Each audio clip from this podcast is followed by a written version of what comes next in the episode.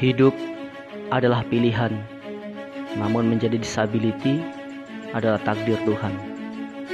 Aku memang tak mampu merubahnya, tapi aku bisa membuat keajaiban-keajaiban yang orang lain tak sempat untuk memikirkannya. Jangan sebut aku penyandang cacat, because I'm not disability, but I am ability.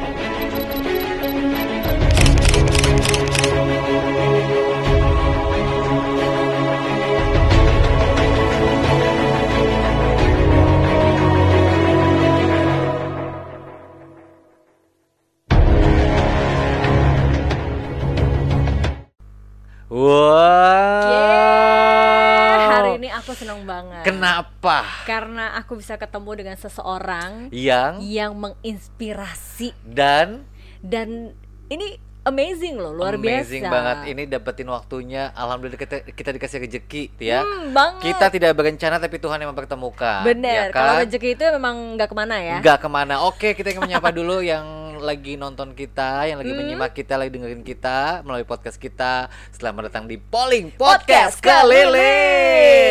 Dan kita ada Bang Jul di sini. Hai Bang Jul. Ah, Jauh-jauh ya dari. Banyuwangi datang ke Tangerang Selatan. Bener. Menginspirasi semua warga Tangerang Selatan. Yes. Sebenarnya sih aku kalau ngelihatnya sih eh, memotivasi ya, tapi Memotivasi. beliau ini nggak mau disebut motivator. Kenapa sih nggak mau disebut motivator? Hmm. Maunya dibilang inspirator?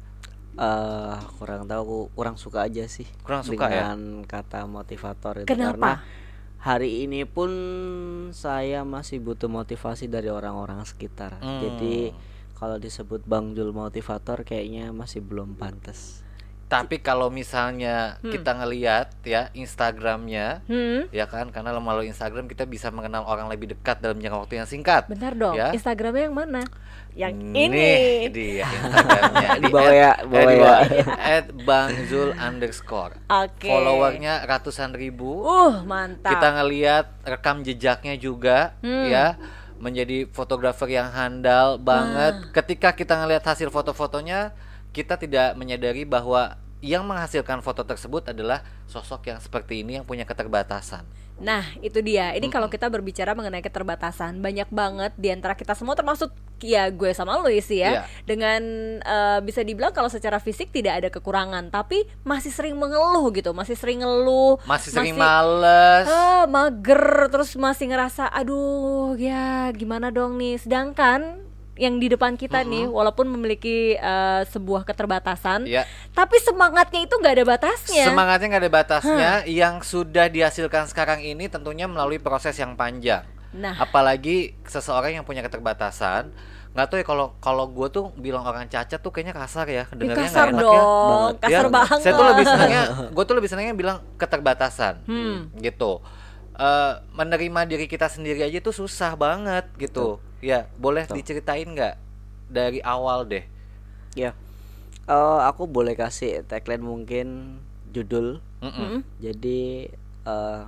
from insecure Mm-mm. to bersyukur mungkin gitu Wah, Ini cakep banget nih. Insecure tuh bersyukur. From insecure to, To bersyukur. bersyukur, Tuh, gitu. dengerin Jadi- tuh Neling. eh dari seorang Zul Mm-mm. yang selalu ada embel-embel nih, selalu ada kata disability Mm-mm. menjadi Zul yang merubah disability itu menjadi sebuah eh, seorang Zul yang ability ini prosesnya itu panjang banget. Hmm.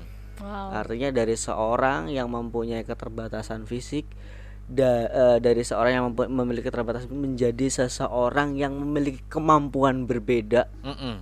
itu prosesnya panjang banget. Udah gitu kemampuannya ini bukan sesuatu yang cuman bisa oh, cuma bisa foto, bisa apa, tapi hasilnya juga bagus banget Tapi ngomong-ngomong, berprestasi. ngomong-ngomong proses yang panjang, sedangkan Mas Zul ini kan usianya masih 28 28. tahun. Mm-mm. Berarti kalau prosesnya panjang, emang dari usia berapa nih? Maksudnya merasa sudah mulai ditempa gitu.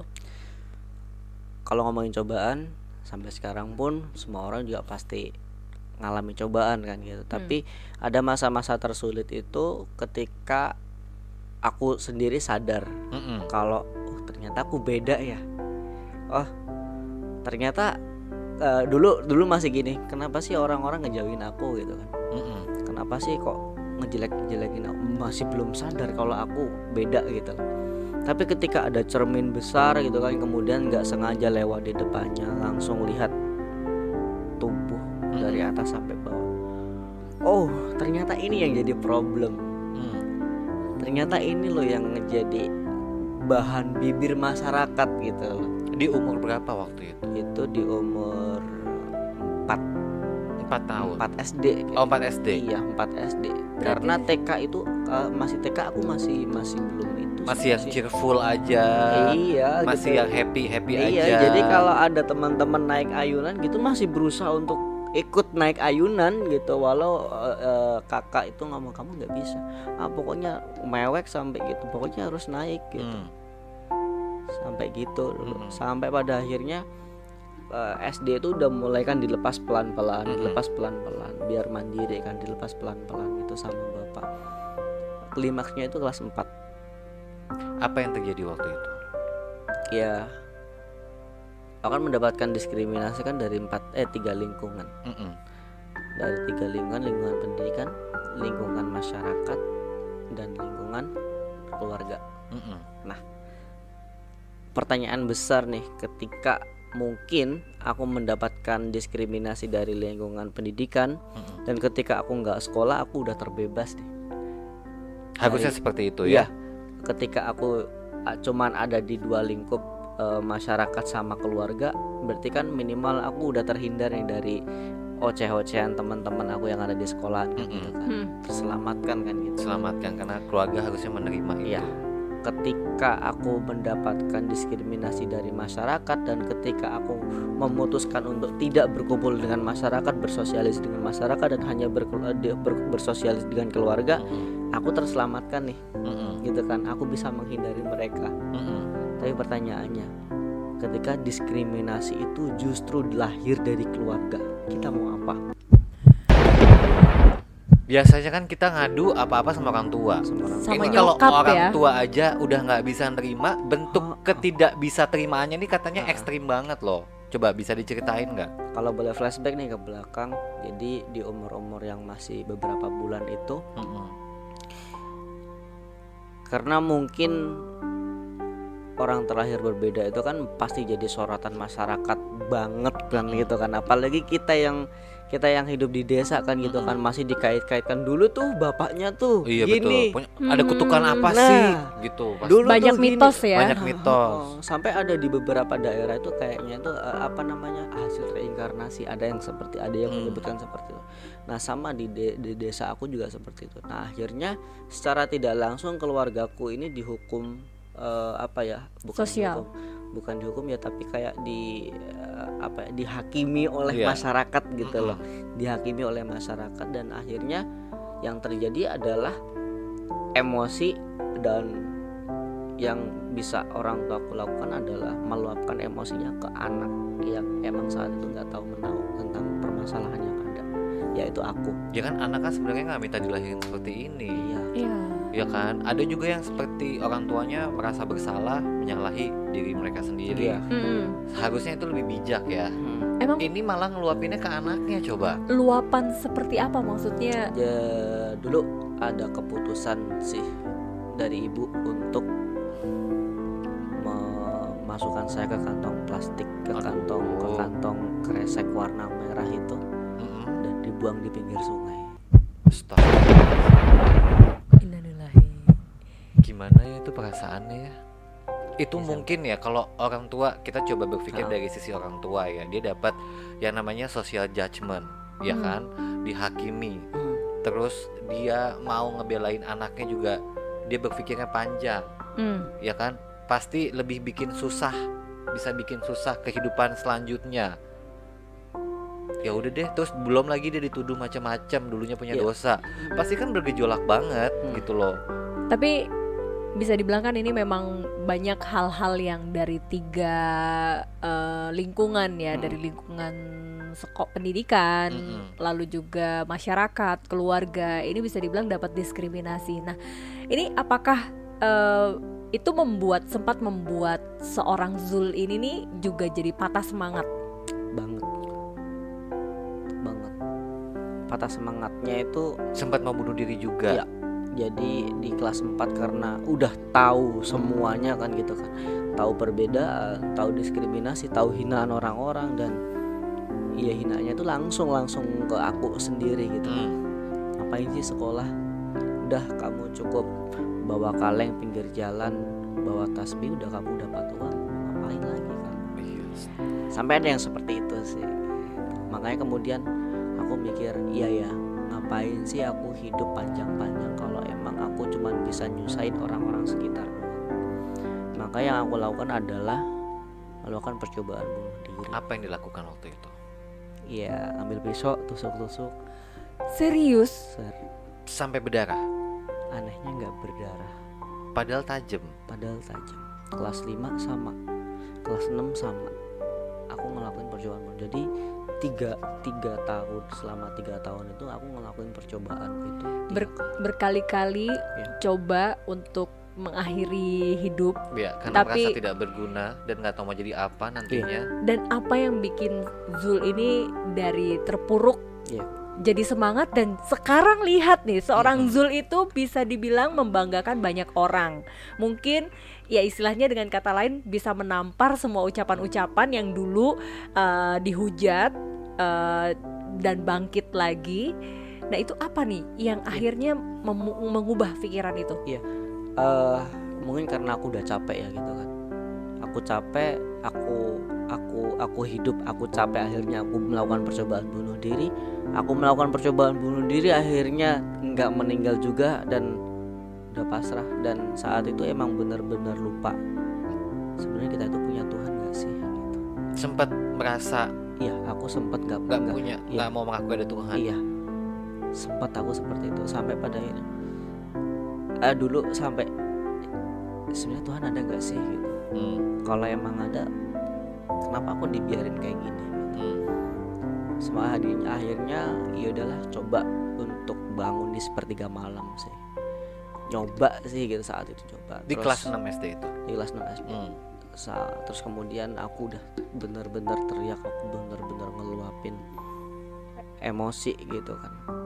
Terus kemudian ada satu doa yang aku panjatin saat itu. Ya Rob hari ini aku nggak minta apa pun. Di tahun ini aku nggak minta apa pun nggak minta apa pun sama sekali aku nggak minta apa pun gitu aku cuman minta satu kalau memang kau ada tunjukkan engkau ada melalui tanda-tanda kebesaranmu jadi aku gitu Mas.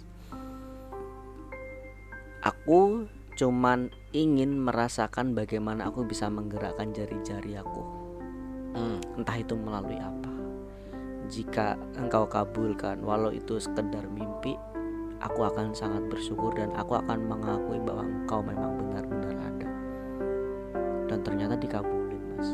Gimana bentuk pengabulannya? Jadi dari aku sholat itu Mm. aku tidur kan Mm-mm.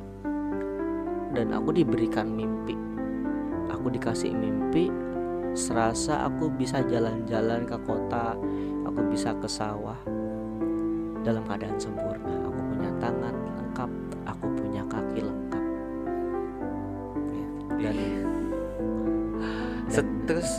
abis itu apa yang dilakukan? Kan tetap aja. Begitu bangun ah Tuhan mah cuma mimpi doang. Mana nyatanya? Kan gitu. Iya, dan anehnya gitu setelah nyoba untuk untuk untuk untuk untuk cari-cari literasi, cari-cari Mhm. baca-baca buku-buku, baca-baca buku dulu baca apa ya kayak buku-buku sekolah gitu. Kan biasanya kan ada hadis ada apa gitu. Mm-mm. kok ya ada tulisan Tuhan tidak akan merubah nasib dan keadaan suatu kaum kecuali kaum itu yang merubahnya sendiri. Betul. Akhirnya di situ mulai untuk mencoba merubah diri. Iya. Dan aku ngerasa dosa banget kalau nyuruh Tuhan ngerubah diri aku secara langsung. Karena udah nggak bisa. Karena udah nggak nggak bisa. Karena udah masa tiba-tiba bangun-bangun badannya lengkap Iya. kan? Nggak mungkin. Nggak mungkin. Nah yang har- yang aku lakukan adalah saat itu mencoba untuk menerima apa yang Tuhan berikan dan yang kedua adalah melakukan perubahan besar-besaran.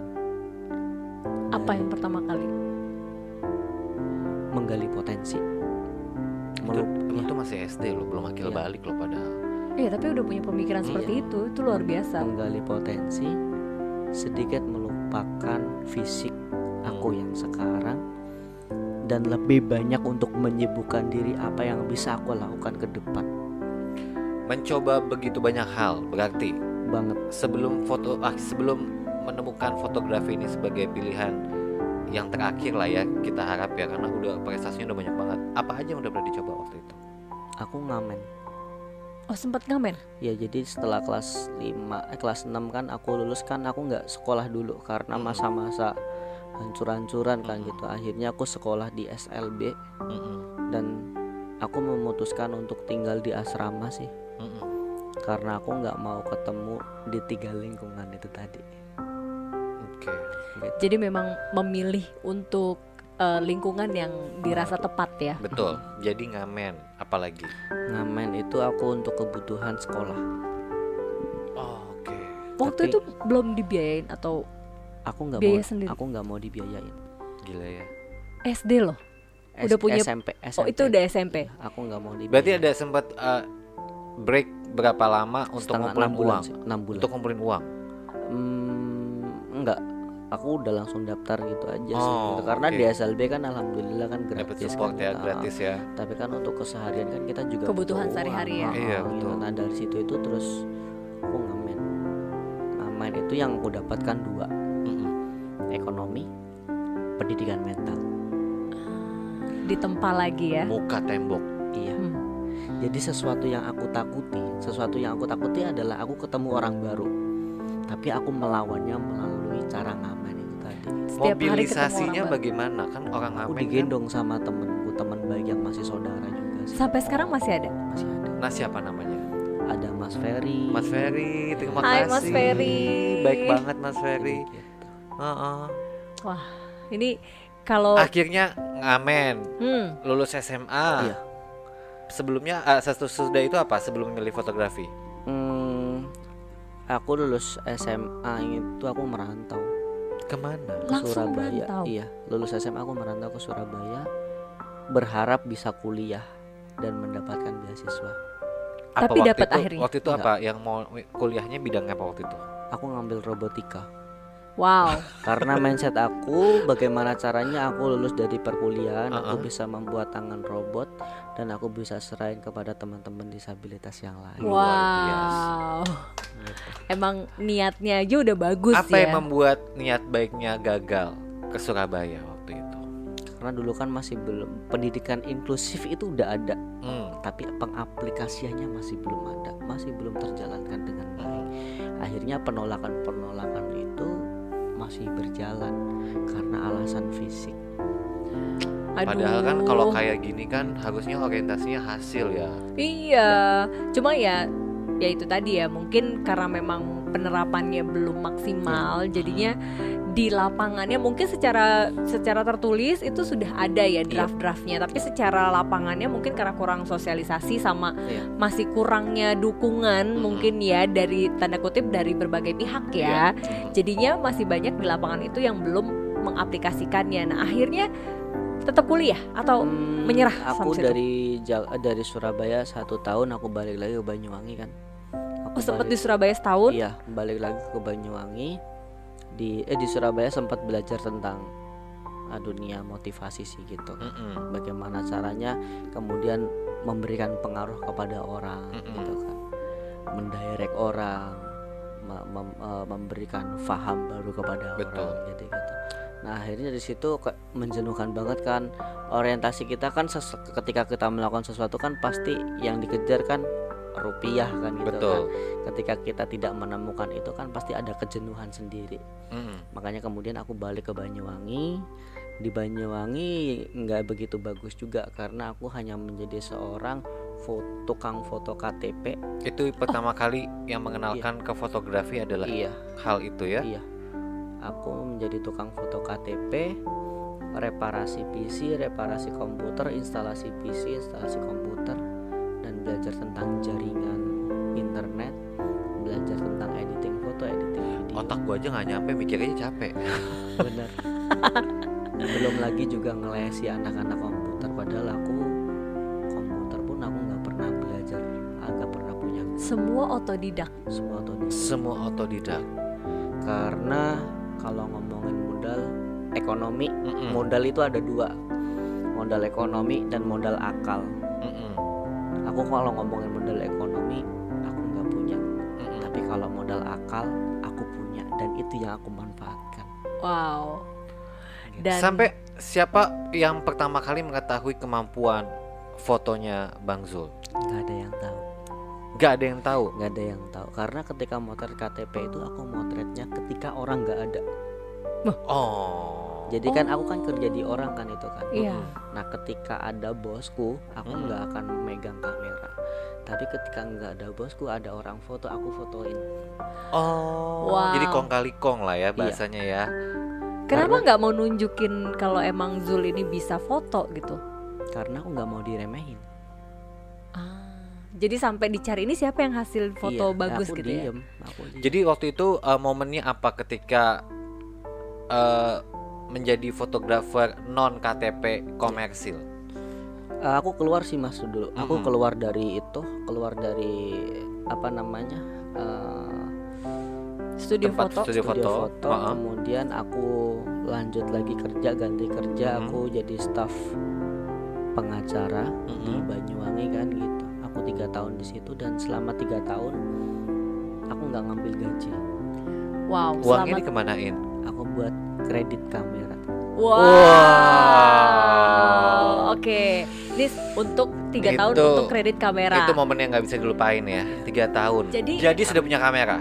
Jadi ini em, ngumpulin untuk beli kamera. betul. Dan itu untuk proses maksudnya proses dapetin kamera kamera kan gak murah cuy. Mahal cuy. Apalagi Ingat kamera, kamera profesional pertamanya apa? 1100 d 1100 D. iya dengan harga dengan harga normalnya sebenarnya 5 jutaan Mm-mm.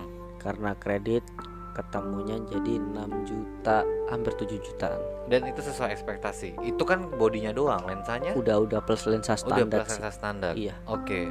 kalau dulu buat aku bagus Mm-mm. tapi sekarang mungkin kurang cukup kali ya 2000 berapa tuh tahun berapa tuh? 2005 oh, 2014 akhir 2014 akhir. Ya. Mulai mendeklarasikan menjadi fotografer profesional di tahun berapa?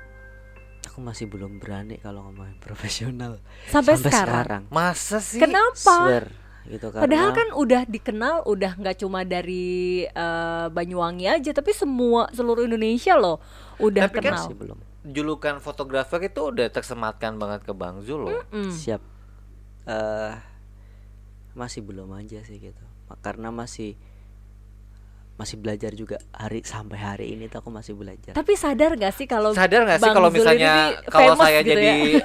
Bang Jul tuh saya sombong banget loh dengan hasil-hasil yang Makanya lo gak ditampilkan. dikasih jadi fotografer Ya, profesional. ini kalau ngomongin sombong gitu kak jadi dulu itu ada kiai ya gitu ya Mm-mm. ada guru ngaji tapi jauh banget aku baru ketemu dia dan eh, dan salah satunya aku ketemu sama MH Ainun Najib Oke. Aku tiga kali ketemu Cak Non itu Mm-mm. dan Cak Non selalu ngomong bahwa kamu suatu saat bakalan sukses Amin. itu setiap kali ketemu Cak Non seperti itu dan kamu bakalan sukses itu menjadi satu kata yang terdoktrin di otakku gitu. Oke. Motivasi ya. Pertanyaannya, pertanyaannya saya mau ubah deh. Ya. Yang membuat Bang Jul ini mendapatkan banyak kesempatan bisa dapat beasiswa di Darwis Triadi, Oke, ini kita ceritain dulu ya. Ah, Jadi bisa dapat ke sana kemari ke sana kemari. Itu momennya apa yang dikenal luas oleh masyarakat?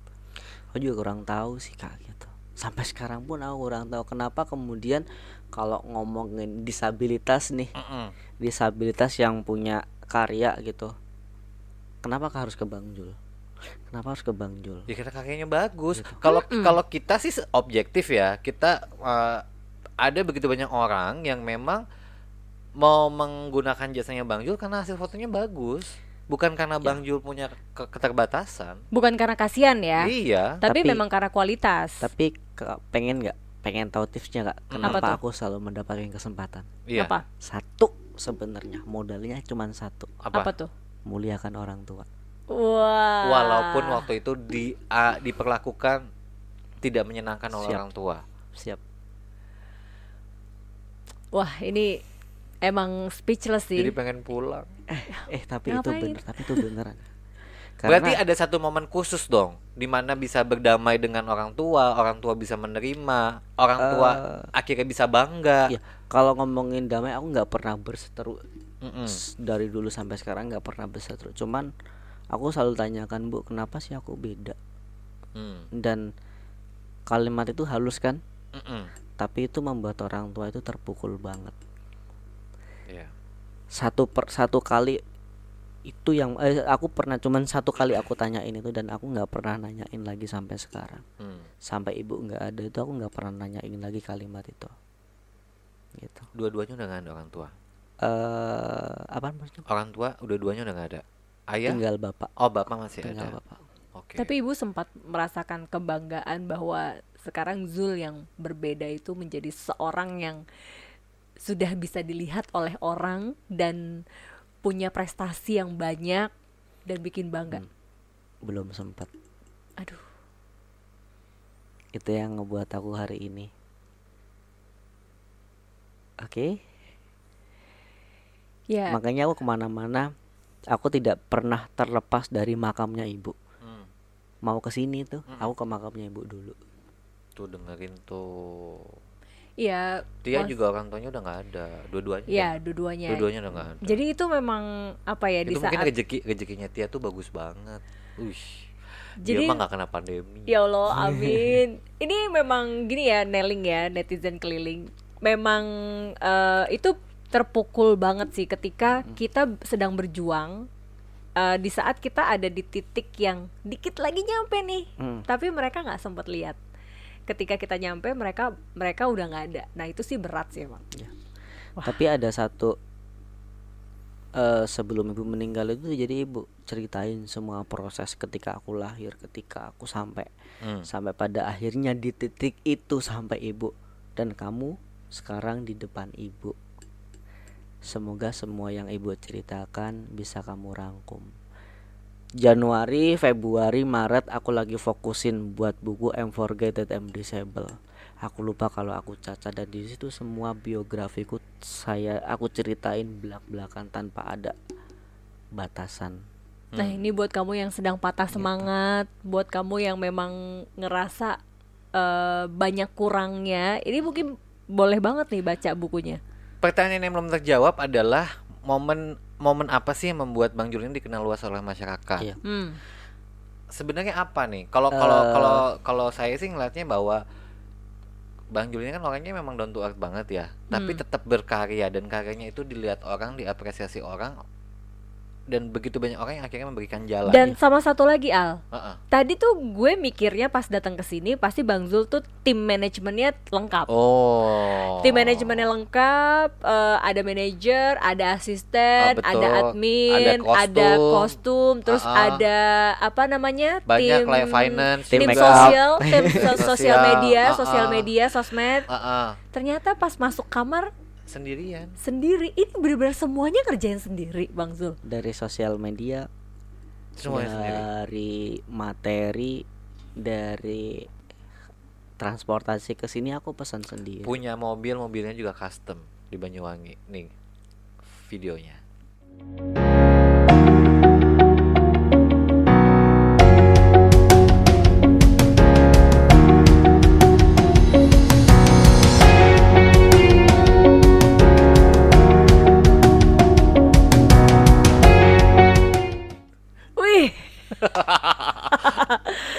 Waduh. luar biasa loh. gimana Tapi satu lagi nih, satu lagi. Aku- Apa? Coba. Apa? Apa? Ini saking saking semangatnya mau nanya nih. Ah. Jadi eh, setelah sekarang merasakan merasakan ya bisa dibilang alhamdulillah Iya. banyak orang yang sudah mengakui eh, prestasinya kemampuannya Bang Zul sempat ada tersirat nggak sih penyesalan dulu itu diperlakukan seperti itu oleh tiga lingkungan tadi ya lingkungan Mm-mm. pendidikan keluarga dan juga masyarakat sempat ada kayak dendam nggak sih kesel nggak sih kalau dulu diperlakukan nggak adil Enggak, aku malah berterima Bersyukur. kasih. Berterima Kenapa? kasih kepada mereka. aku serasa dicambuk untuk lari lebih cepat lagi. Justru itu motivasinya ya. Ya, dulu ketika ada temanku yang lebih pin ada temanku yang se seangkatan dia lebih pintar dari aku dan aku nggak bisa apa-apa, aku nangis. Tapi sekarang aku lebih unggul, mungkin lariku mungkin 10 kali lipat dari teman-temanku yang berjuang pada saat itu. Wow. Bisa foto dan bisa diving juga. Bisa diving? Oh my god, gue aja gak bisa diving loh.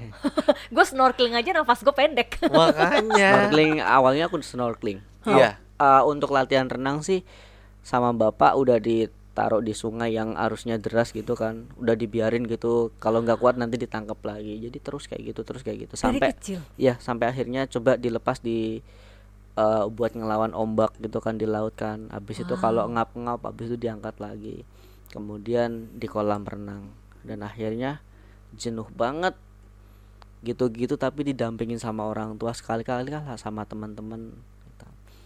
akhirnya sekarang itu hobinya snorkeling Diving. sama diving Kok Wow. bisa sih?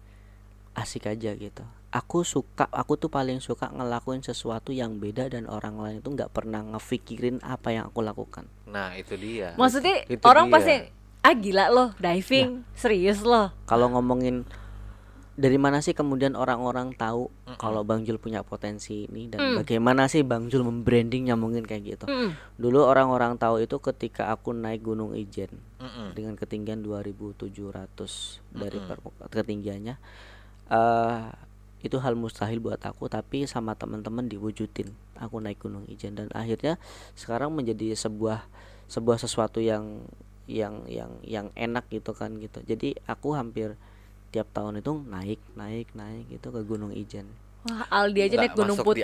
Naik Gunung Putri aja ngap dia. Masuk akal. Gunung Agung, tapi dalam bentuk toko buku. karena gini setiap perjalanan itu pasti aku selalu ambil sisi inspiratifnya sih bukan sisi viralnya Eh, tapi ngomong-ngomong Iya, nih kalau gitu. ngomongin tentang inspiratif. Ini kan sempet tadi sempat ngomongin tentang kuliah juga ya. Mm. Ini kuliah sampai sampai lulus. enggak Why? Dan tapi di cita-cita kuliahnya juga mulia banget loh. Boleh diceritain gak yang kuliah Iya. hukum tuh? Eh, sebenarnya aku aku kan kuliah hukum. Hmm. Jadi setelah di kantor advokat itu aku mendapatkan beasiswa di salah satu universitas lah gitu kan. Aku nggak pernah sebut ya, sebut ya gitu. Kemudian di situ karena ada akses yang aku kurang bisa untuk menjamah gitu kan. Jadi aku kuliah di lantai tiga. Akhirnya aku nggak bisa untuk mengikuti acara perkuliahan itu. Jadi berhenti kuliah karena ada di Akses, lantai tiga. iya. makanya Ya kan aku ke mana-mana itu kan aku selalu mengedukasi ketika ketemu orang baru aku selalu mengedukasi tentang disabilitas Mm-mm. itu kayak udah nempel aja gitu Jadi ini ya Karena memang kan juga bisa mewakili para penyandang disabilitas lainnya sebenarnya. Betul. Nah, ini memang penting banget sih harus disosialisasiin bahwa memang jangan menyepelekan fasilitas untuk disabilitas. Nah, ini bayangin tuh, coba universitas yang dulu itu sempet eh, memikirkan untuk iya ada satu mahasiswanya yang memang butuh fasilitas. Betul. Tapi Kalau tanya dulu dong, tujuannya waktu itu belajar hukumnya untuk apa? Hmm. Apa? ya aku dulu sih pengen buat kantor advokat Mm-mm. yang bisa menaungi dan mendampingi teman-teman disabilitas Tuh kan, jadi ini Bang Zul ini nggak lupa loh sama teman-temannya yang lain. Ya karena memang Ini kalau kalau penyandang disabilitas bikin partai ini kayaknya ketuanya nih Bang Zul nih. aku kemarin Ketuanya suruh ya? aku kemarin suruh daftar itu Caleg. ikut caleg DPR Ah, ah. Wih, eh boleh dong, Tapi belum aku- ada kan? tapi aku nggak mau Kenapa? Kenapa? Padahal di situ bisa bisa menyuarakan loh, maksudnya bisa menjadi salah satu eh Kita dulu pernah punya menteri, Hmm. kalau dicari ya, menteri sosial kita itu dulu nggak punya lengan. Saya lupa eh, namanya siapa. Zamannya Pak Soeharto dulu, hmm? menteri sosial, dia pakai lengan palsu. Oh iya iya iya, tahu Ah, tahu ah. tahu tahu. Itu sempat Si, ada si juga. tangan besi ya. Mm-mm. Ntar kalau aku jadi DPR aku nggak bisa motret-motret orang cantik mas iya, ah, kan ada Krisdayanti tuh di Iya, di bener. situ. Ada Krisdayanti, ada Vena Melinda, Bener-bener ya. Ike Dia Pitaloka, Desi Ratnasari. Ah, Jam makan siang ya, jam makan siang janjian gantian satu-satu ya. Wah, Terus jadi ya. berarti sekarang eh, goalsnya apa lagi nih yang kan usianya masih muda banget loh, Oh, masih Eh, 28. Jadi fotografer underwater. Fotografer Wow. underwater. Oh, karena di dunia masih belum ada fotografer underwater disability. Wus. di dunia, loh. dunia. Jadi kalau kalau Bang Zul ini eh, mencapai berarti yang pertama ya. Targetnya targetnya kapan nih? Pasti punya target dong seorang Bang Zul ini kan Ya. emang orangnya optimis banget. Akhir 2021 lah. Wow, kita doain bareng-bareng ya Neling ya. Mudah-mudahan akhir Dan- 2021 ini Bang ah. Zul menjadi eh, fotografer pertama underwater di seluruh dunia. Di seluruh dunia. Itu kan kalau dari sisi fotografinya. Tapi ini Hmm. kayaknya nih tujuan mulianya nih banyak banget. Apa aja yang itu kira-kira pengen untuk dilakuin? pribadi Iya. gitu ya. Itu Mm-mm. untuk pribadi. Kalau yang kedua adalah pengen membuat foundation sih. Oke. Dan insya Allah juga di targetnya 2021 Bang Jul Foundation itu semoga cepat berdiri. Amin. Tujuannya sih Bang Jul Foundation itu bukan hanya sebagai yayasan yang dalam tanda kutip formalitas aja yang Iya. penting ada enggak. Mm-mm. Kita pengen bekerja sama dengan perusahaan-perusahaan besar Mm-mm. yang ada di Indonesia Hmm. yang bisa bersinergi bersama teman-teman disabilitas mungkin gitu. Karena teman-teman disabilitas ini walaupun punya keterbatasan fisik, ya kan, Hmm. tapi pola pikirnya, semangatnya, keterampilannya Iya. bahkan melebihi rata-rata kemampuan orang yang diberikan anggota tubuh yang sempurna. Iya. Gitu. Jadi gitu. Oke. Nah, pertanyaan terakhir ya. Untuk di Indonesia sendiri, Hmm. ya. Ini untuk pelayanan Hmm. kepada teman-teman disabilitas nih gimana Eh, perkembangannya? Alhamdulillah mulai mulai ya, lima tahun lalu ya Mm-mm. dan sekarang apalagi sekarang ada Mbak Anggi Yudhistia kan Mm-mm. staf milenial presiden Oh dan- iya, iya betul kita betul. selalu komunikasi Mbak di daerah terjadi seperti ini Mbak Iya. di daerah terjadi- Alhamdulillah udah mulai mulai bagus lah gitu kan Iya, memang udah mulai banyak. udah mulai berbenah Tapi memang butuh waktu. butuh waktu Ya, butuh waktu. dan maaf saya harus sampaikan Mm-mm. Berhenti kita untuk menyalahkan pemerintah Yes, betul karena sekali. pemerintah juga butuh suara dari teman-teman disabilitas Mm-mm. jadi kita dengan pemerintah harus bersinergi Ya, jangan ngomongin tentang peluang usaha tapi ngomongin kira-kira SDM kita cukup gak untuk mencukupi peluang usaha yang diberikan pemerintah iya, betul sekali. gitu Wah, nih yang jelas nih buat Neling netizen keliling, buat kamu yang merasa hidup nggak adil buat kamu. Allah nggak adil. Padahal mah baru juga diputusin cewek. Iya aja bilang aduh dunia nggak adil. Padahal baru kuotanya habis dikit. Aduh dunia nggak adil. eh tapi kalau ngomongin itu aku pengen banget bahas masalah story love kan eh Oh iya dong. karena ini kan Jadi, Bener. jadi ini ceritanya Bang Sul ini mau menikah di bulan Januari. Wah, eh, eh, siapa wanita yang beruntung itu? bukan wanita yang beruntung Eh, tapi Siapa? tapi kita sama-sama beruntung Wow. Ngomongin tentang, Tentang love love story. story. oke siap Gua aja, saya aja pada masanya itu minder banget. Tanya sama Tiade, minder banget. Karena eh muka biasa aja, terus bukan dari keluarga waktu itu belum kaya, belum punya apa-apa ya. belum punya minder banget. Sedangkan